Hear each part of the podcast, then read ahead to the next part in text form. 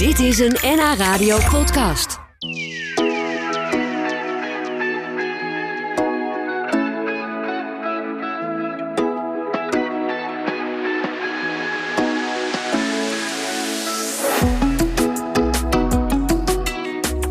Ik, eh, ik praat vandaag met Willem Dieleman uit Amsterdam. Hij bakt pannenkoeken op straat, eh, maar wel met een missie. Want hij doet dat om mensen met elkaar te verbinden, elkaar in gesprek te brengen. En dat deed hij al tijdens een reis om de wereld. Daarvoor schreef hij het boek Pancake Adventures. En morgen doet hij dat in zijn eigen stadje Amsterdam. En dan ga je dus met een, een soort bakfiets, maar dan een hele grote, ga je gewoon de stad door. Begrijp ik. Ja, dat klopt. Ja, wat is dat voor bakfiets? Eh, het heet Tiny Buurthouse. Dus het is een tiny house. Het lijkt op een tiny house. En het is een buurthuis. Dus het is een eh, tiny buurthouse. Ja, maar dan op een fiets. Of, of is het niet fiets. meer Ja, echt een fiets? Ja, dat is zeker een fiets. Het is een elektrische eh, bakfiets. De grootste die op de weg mag. En eh, die hebben we helemaal omgebouwd tot een, eh, tot een soort rijdende woonkamer. En je kan er dus ook echt in. Je kan er met z'n vieren in en je kan dan nog steeds rijden. Of ik heb laatst zelfs met zeven kinderen erin gezeten. Wauw. Dus ehm, ja, het is een heel mooie, mooie manier van door de stad rijden. Ja, heb je, heb je hem zelf zo verbouwd? Ja, met een, een vriend die, die, heeft, die is product designer, die heeft eh, meegeholpen met de bouw en het Oh ja. ontwerp. Dus het is ook wel een beetje design eigenlijk. Stel ik me zo voor. Ja, het is eh, zo mooi met wit en hout. Zo echt Ja, als ja. een tiny house. Oh, wat grappig. Ja. En da- daarvoor had je een pannenkoekenbakfiets, toch? Dus dat was gewoon een iets kleinere uitvoering... waar je niet eh, binnen met vier mensen bij de Ja. in de keuken kan zitten. Klopt. Nou, je kon er nog steeds met z'n tweeën in. Eh, alleen het was niet elektrisch en eh, de rem was niet zo eh, goed. En, Oh, en, dat lijkt me heel dus was- maar je ging ook niet zo hard met, met zo'n aangedre- zelf aangedreven fiets. En dat was zo'n klassieke bakfiets, maar die was natuurlijk een beetje gammel. En, en ik merkte dat het heel veel... Ja, dat het heel veel bekijks had als je zo in een bakfiets pannenkoeken ging uitdelen. Dat snap ik, ja. ja. Ja. daar komen vast ook veel mensen op af. Ja, dus er komen mensen die zijn dan nieuwsgierig en die komen dan kijken en een praatje maken. En zodra je dat praatje hebt, kun je, ja, kun je eh, een echt gesprek aangaan. Ja. En eh, dat eh, vond ik een mooi concept. En toen dacht ik, dit moet... Het is natuurlijk leuk, pannenkoeken bakken overal. Maar er zijn eigenlijk veel meer dingen die je met die bakfiets kan doen. Want misschien willen andere mensen die bakfiets wel gebruiken voor hun eigen Ja. pannenkoek. Dus dit, dit, gaat, eh, dit gaat veel verder dan alleen de pannenkoeken. Zeker. Ja, maar morgen sta je wel in de stad met, ben je op verschillende plekken eh, te vinden in de stad. Ja. En dan ga je wel pannenkoeken bakken. Ja, zeker. Ja, pannenkoeken zijn wel mijn... eh, Jouw ding. mijn ding geworden. Mijn trade kwam er niet meer onderuit. Ik kan, ik kan een heel verhaal van een uur vertellen en dan één keer ergens pannenkoeken noemen en mensen onthouden alleen ja, maar de maar zo is het ook. Ja. Het idee is om, eh, om het buurthuis eh, eigenlijk naar buiten te brengen. Dus de straat op. Ja, ja, ja. Dus mensen hoeven niet naar het buurthuis toe, maar jij gaat ergens staan en dan eh, kom je ze wel tegen. Ja, zo wel toevallige voorbijgangers van verschillende mensen met alle achtergronden, leeftijden, alles eh, kan dan bij elkaar komen. ja, Dat mooi. krijg je in een buurthuis niet zo makkelijk voor elkaar. Nee, klopt. Dat zijn vaak een beetje de vaste, vaste klanten die daar komen. Ja. Die de, de, de drempel al een keer overgegaan zijn. Precies. Ja, en dat is vaak lastig. Maar hoe gaat dat in de praktijk in zijn werk? Je komt aan met je, nou ja, ik noem het bakfiets, maar je tiny house eigenlijk Ja, op het, is, het is dus een bakfiets, dus het is Ja. op zich eh, accuraat. Maar eh, ja, ik fiets rond en dan... het kan dus met pannenkoeken, maar ook gewoon eh, eh, met allemaal andere dingen. Het is een modulaire fiets eigenlijk, de bak. Dus je kunt er of een kleine woonkamer van maken aan de binnenkant met allemaal planken. Of je kan er juist een soort podium van maken, mini-podium of een grote buurttafel. Dus je kan al die planken op verschillende hoogtes zetten, waardoor je een andere functie krijgt. Oh, wat leuk. En ik maak er dan dus meestal een pannenkoeken keukentje van met een restaurantje. Ze zijn heel, heel klein, dus je kunt er... Ja. eh, dan vraag ik vaak om mensen om mee te gaan. Dus bijvoorbeeld morgen gaan er een paar mensen mee. Ik denk dat er twee mensen in de bak gaan zitten en een paar omheen fietsen.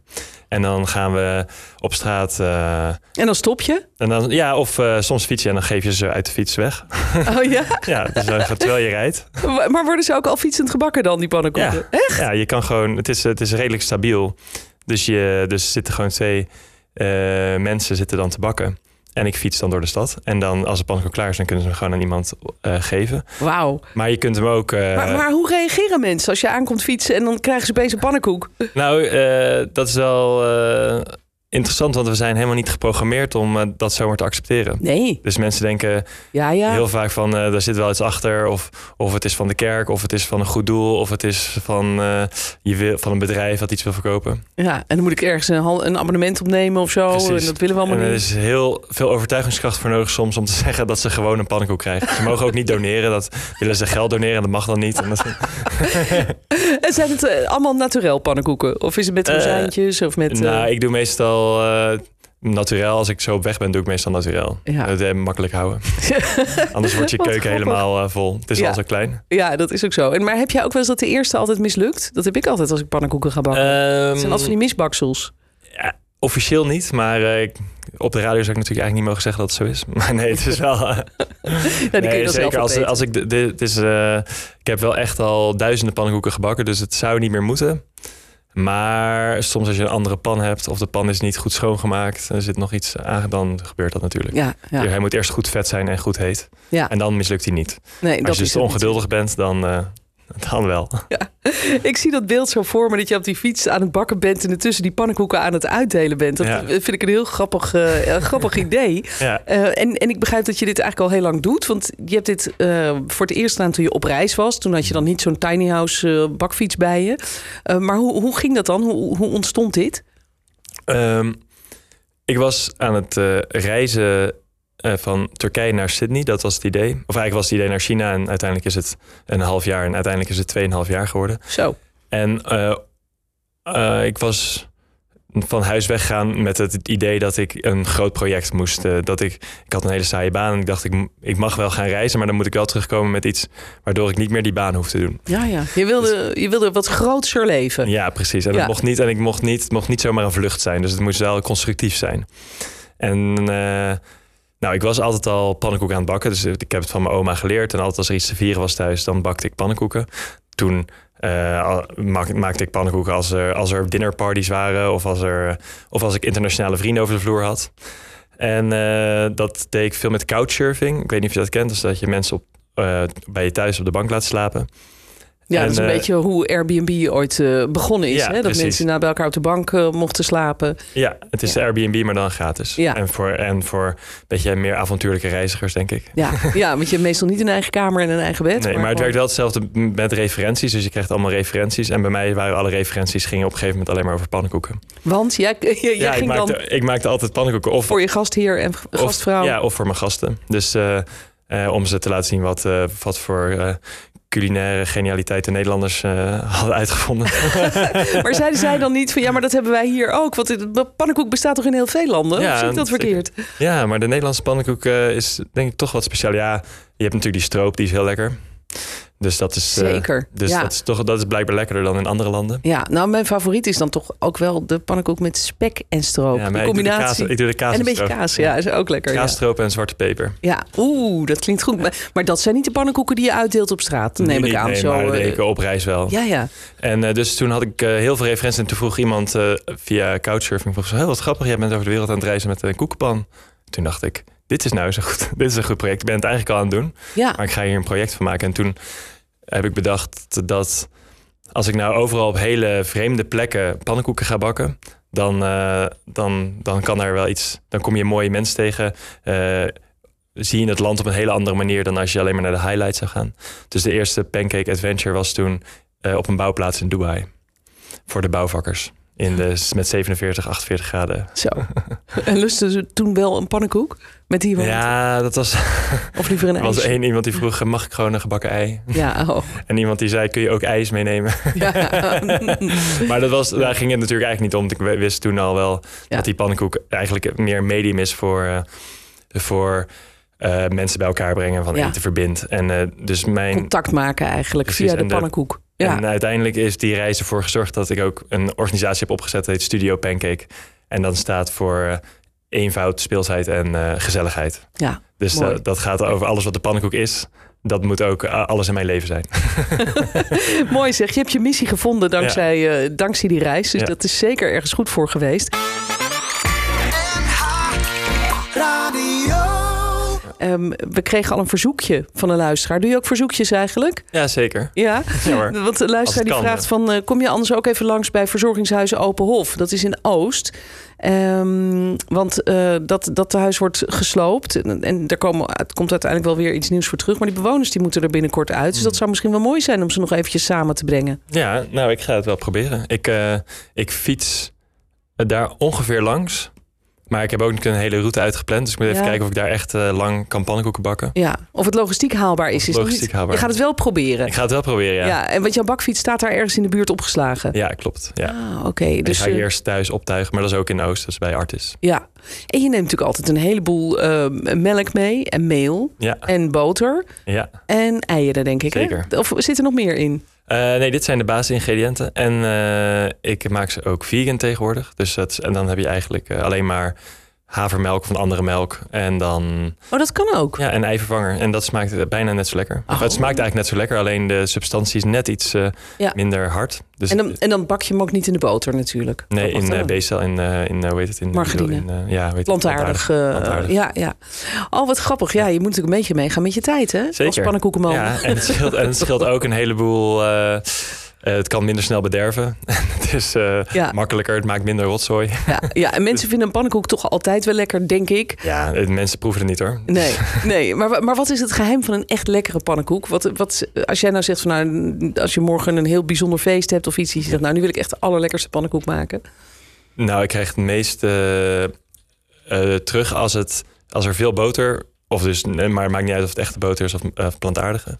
En, eh, en zout moet er ook wel in. Als er zout mist, dan eh, Ja, is hij een beetje flauw. ja dat, dat wil je inderdaad niet. Dus eh, dat, en Ja. dat is eigenlijk, het moet ook gewoon, dat is ook de hele, het hele idee waarom de pannenkoek zo goed werkt, is dat het zo simpel mogelijk moet. Ja, En ehm, je moet niet van een, eh, van een pannenkoek een drie sterren gerecht eh, proberen te maken. Het is Nee, gewoon, het is, het is gewoon wat het is. Het is gewoon eh, simpel, een pannenkoek. En, Precies, en, pannenkoeken heb je over de hele wereld. Ja. Eh, dat heb je ook ontdekt, want je hebt ze gebakken over de hele wereld. Maar toch is die Hollandse pannenkoek net even anders dan, dan, dan alle andere pannenkoeken blijkbaar. Ja, ik denk dat het ook wel met misschien... Ja, ik dacht eerst met het vet dat het te maken dat het lekker vettig is. Ik denk dat dat, dat anders is dan bijvoorbeeld een crepe. Die is wat, eh, wat harder. Of wat met meer, meer olieachtige Ja. eh, substantie. En de Hollandse pannenkoeken zijn wel echt zo druipig. Lekker sappig. Ja, ik krijg echt zin in pannenkoeken. Heb je die pan niet bij je eigenlijk? ik helaas niet bij me. Oh, dat is nou weer even jammer zeg. Morgen dan eh, kunnen we jou wel tegenkomen. Eh, wa- waar ben je dan onder, onder andere? Ja, misschien dus bij de, de Open Hof, maar dat is nog niet helemaal zeker. Ehm, eh, ik ga van eh Artis naar eh, de Nieuwe Herengracht bij de Protestantse Diaconie en de Hermitage. En dan gaan we een rondje eh, door Amsterdam doen en dan eindigen we om één uur in het Vondelpark. En daar staan dan heel veel mensen pannenkoeken te bakken. Oh, wat leuk. Ja. Een soort festivalletje eigenlijk ja, bijna. het is een soort vrijwilligers. Eh, er is een vrijwilligersorganisatie in Amsterdam die the City die heeft een, een soort global eh, vrijwilligersdag. Dus er komen allemaal mensen Ja. pannenkoeken bakken en pannenkoeken eten. Dat Nou, leuk. Ja. superleuk. Dat is in het Vondelpark. En ja, de bedoeling is uiteindelijk natuurlijk om mensen nou niet alleen blij te maken, maar ook een beetje met elkaar te verbinden. Ja. Merk jij in de praktijk ook dat dat werkt? Heb je daar een mooi voorbeeld van? Van mensen die met elkaar of met jou in contact zijn gekomen? Misschien vriendschappen die er zijn ontstaan, relaties? Ja, nou, de, de um, eerste, de, de, eigenlijk de hele reden hoe ik het heb eh, bedacht is omdat ik met eh, de oude pannenkoekenbakfiets nog in het eh, Oosterpark stond. En er kwam een eh, Egyptische jongen kwam aanhaken en die, eh, die wilde. ehm, ja, die wilde ook een pannenkoek. En toen hij hoorde dat het gratis was, toen eh, vond hij dat ook eh, extra leuk. En toen wilde hij ook mee helpen bakken. En toen ging hij een stukje mee met de bakfiets. En uiteindelijk werden we vrienden. En ehm, ja, heeft hij nog vaak meegebakken. En toen dacht ik, oh, dit is echt heel waardevol eigenlijk. Ja, Dat, want deze jongen zou ik nooit ontmoeten anders. Nee. Ehm, dus dat is een voorbeeld van mezelf. Waardoor ik weet dat het, dat het kan. Maar ik moet wel zeggen, in de praktijk zijn mensen toch wel schuw. En eh, die willen vooral ook elkaar niet in de weg zitten. Dus je moet wel echt een trigger geven om mensen bij elkaar te zetten. Het komt niet zomaar vanzelf. nee. En als mensen dus mogen bakken of mensen moeten wachten op zo'n pannenkoek, dan, dan gaan ze, ja, dan moeten ze toch iets. ja dan Dus, gebeurt eh, er wat. Dus later was ik ergens in het Sarfati Park en toen was er een, eh, een, eh, een dakloze man die een pannenkoek kreeg en een jonge moeder, een jonge hippe juppenmoeder. En die zouden elkaar ook nooit ontmoeten en die moesten allebei wachten op die pannenkoek en die zaten samen zo Ja. rondom die bakfiets een beetje te, te kletsen met elkaar. Toen had jij een big smile op je Ja. gezicht. Ja. Ja, zoals nu. Hey, mooi. Eh, n- nog één ander dingetje tot slot. Je zei net al gratis. Iedereen krijgt hem gratis. Maar Mhm. krijgt echt iedereen hem gratis? En hoe betaal jij dat dan? Eh, nou, de bakfiets is eh, eh, door subsidies en fondsen, eh, Ja, ja. door het Unive Buurtfonds en Mensen Maken Amsterdam. Dat is van, volgens mij Prins Bernhard Fonds. Ik weet eigenlijk niet. Ja, denk het. Dus dat is een zo'n zijn. Die hebben allemaal buurtfondsen. Ja. Die hebben dan bijgedragen. Ja, je wordt gesponsord eigenlijk door. Ja, het is een soort sponsoring, een soort ja, van fondsen. Ja, En, en dat werkt wel goed, want dan kan je ook wat grotere evenementen organiseren. precies. Ja. Want zo'n bakfiets is zo'n grote bakfiets moet natuurlijk een beetje onderhouden worden en hij moet eh, er mooi uit blijven zien. Want, Ja. En je moet meel kunnen kopen en eieren en melk. ja, precies, dat is ook. Ja. Maar gelukkig dus het hele idee van de pannenkoek eh, is dat het zo goedkoop is en zo simpel dat iedereen het kan maken en dat je het altijd aan iedereen kan weggeven. En eh, dat je er eigenlijk niks voor terug hoeft. En als je dat in je leven kan incorporeren, dan, dan heb je een heel rijk leven. Ja, dat denk ik ook. Mooi. Ja. Fijn dat je hier was om, eh, om te vertellen over, over jouw bijzondere project. En Ja. morgen dus eh, kunnen we jou tegenkomen in Amsterdam. Uiteindelijk in het Vondelpark, maar daarvoor al in de buurt van Ja, Artis. dus als je het ziet, lekker zwaaien of kom een pannenkoekje eten. gaan we doen. Dank je wel, heel erg leuk. Willem Dieleman uit Amsterdam was vandaag bij mij te gast. En morgen rijdt hij rond met zijn eh, pannenkoeken Tiny Buurthouse fiets. Zo zeg Yes. ik het goed, toch? Heel goed. Heel veel plezier. Dankjewel. Dit was een NH Radio podcast. Voor meer, ga naar nhradio.nl. Radio.